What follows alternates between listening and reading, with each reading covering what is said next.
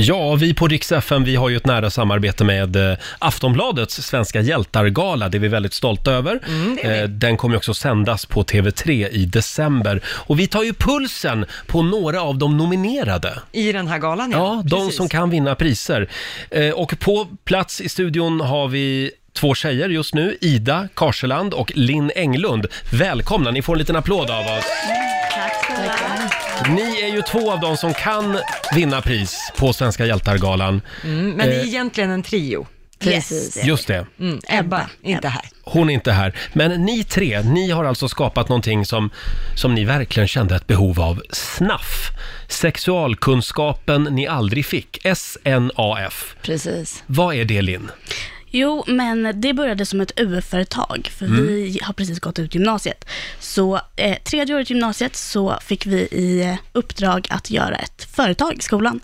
Och då kände vi att, men vi vill inte göra någonting ja, men vinstdrivande. Det var många som gjorde tygpåsar, mössor och sådär. Armband och... Ja, men precis. Och vi kände att vi vill göra, det här är liksom en chans för oss att vara med i samhällsdebatten. Så vi valde då att göra, starta SNAF. Eh, för att vi alla hade samma upplevelse. Vi hade pratat om det mycket på senaste tiden, att ja, men alla vi tre hade så dålig sexualundervisning i skolan. Så då kände vi att det här är verkligen en chans för oss att ändra på det. Mm. Men Ida, vad är då problemet med sexualundervisningen i skolan? Ja, att den är väldigt så heteronormativ. Den tar mest upp så här, hur barn blir till. Eh, Fortfarande och, alltså? Ja, fortfarande tyvärr. Och så här, ja men heterosex, hur det fungerar och hur man Mm. får könssjukdomar.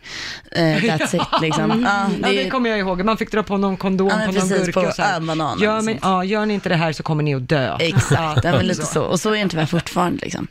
Ehm, så det vi ville skapa var då en hemsida, en plattform där andra ungdomar kunde tycka till och säga vad de ville, eh, vad de tyckte saknade. Och så tog vi upp det på hemsidan.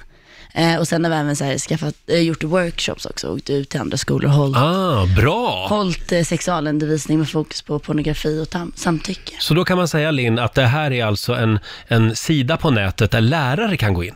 Ja, men absolut det också, för det var ju mycket så i vår sexualundervisning och också, många vi har pratat med, att lärarna var väldigt obekväma. Det var väldigt pinsamt, det var liksom skämtigt, sån stämning. Det var liksom ingen seriös stämning där man faktiskt fick ställa sina frågor. Så lärarna är ju mer än välkomna att läsa där, för som vi har förstått det när vi har pratat med lärare så är det väldigt svårt eftersom att de inte får någon riktig utbildning inom de här ämnena. Nej. Så man kan inte riktigt skylla på dem heller, för att Nej. det är ju supersvårt för dem att ta tag i någonting som inte de kan någonting om. Lite jobbigt också. Jag kommer ihåg sexualundervisningen själv i skolan. Just Ja, det här som du säger, att lärarna tyckte att det var skämmigt att Ja. prata om. Ja, och då blir det ju väldigt lätt fnissigt. Ja. När det Precis. saknas auktoritet i det ämnet som man pratar om. Då blir det ju väldigt, väldigt jobbigt. Mm, Ja, men då undrar jag Ida, eh, hur ser sexualundervisningen i, i svenska skolan ut om tio år? Eh, förhoppningsvis så har den ju blivit uppdaterad eh, och att eh, vi har en obligatorisk sexualundervisning med tydliga riktlinjer på vad som ska tas upp och i vilka ämnen som ska ta, det ska tas upp i. Eh, att den tar med liksom hbtq-spektrat, mer inkluderar det, inkluderar de människorna.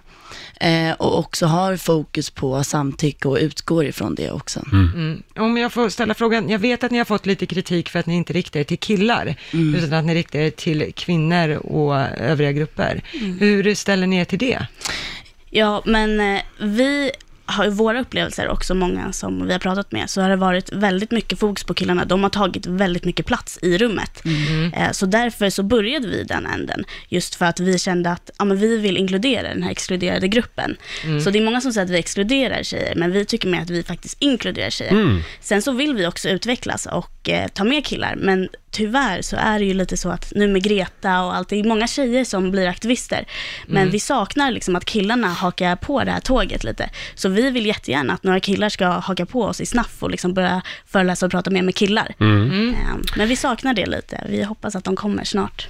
Det håller vi tummarna för. Snaff.se, S-N-A-F alltså .se. Där finns mer information. Yes. Eh, Ida och Linn, tack för att ni kom förbi studion. Hä- hälsa Ebba också som också är med. Eh, det hade ju kunnat vara värre. Jag läser på DN idag nu på morgonen, DNs hemsida. Polens regerande nationalistparti, Lag och rättvisa, väldigt konservativt parti. Ja. De vill nu kriminalisera sex och samlevnadsundervisning för barn i Polen. Eh, lagbrott ska det bli och det kan alltså ge upp till fem års fängelse. Eh, lagförslaget jämställer sexualundervisning med pedofili. Ja, Och det har oj. lagts fram av en katolsk lobbygrupp. Jaha, hur, Ja. hur ska man lära sig då? Kan ni åka till Polen en sväng och försöka styra upp? Det vill vi jättegärna. Ja, bra. Lycka till! Tack för att ni kom förbi och vi håller tummarna nu. Svenska hjältar-galan som sagt i december. Just det, lycka till nu. Ja, lycka Tack så till. mycket. Kommer att sändas även på TV3. Just det. Kan vi tipsa om.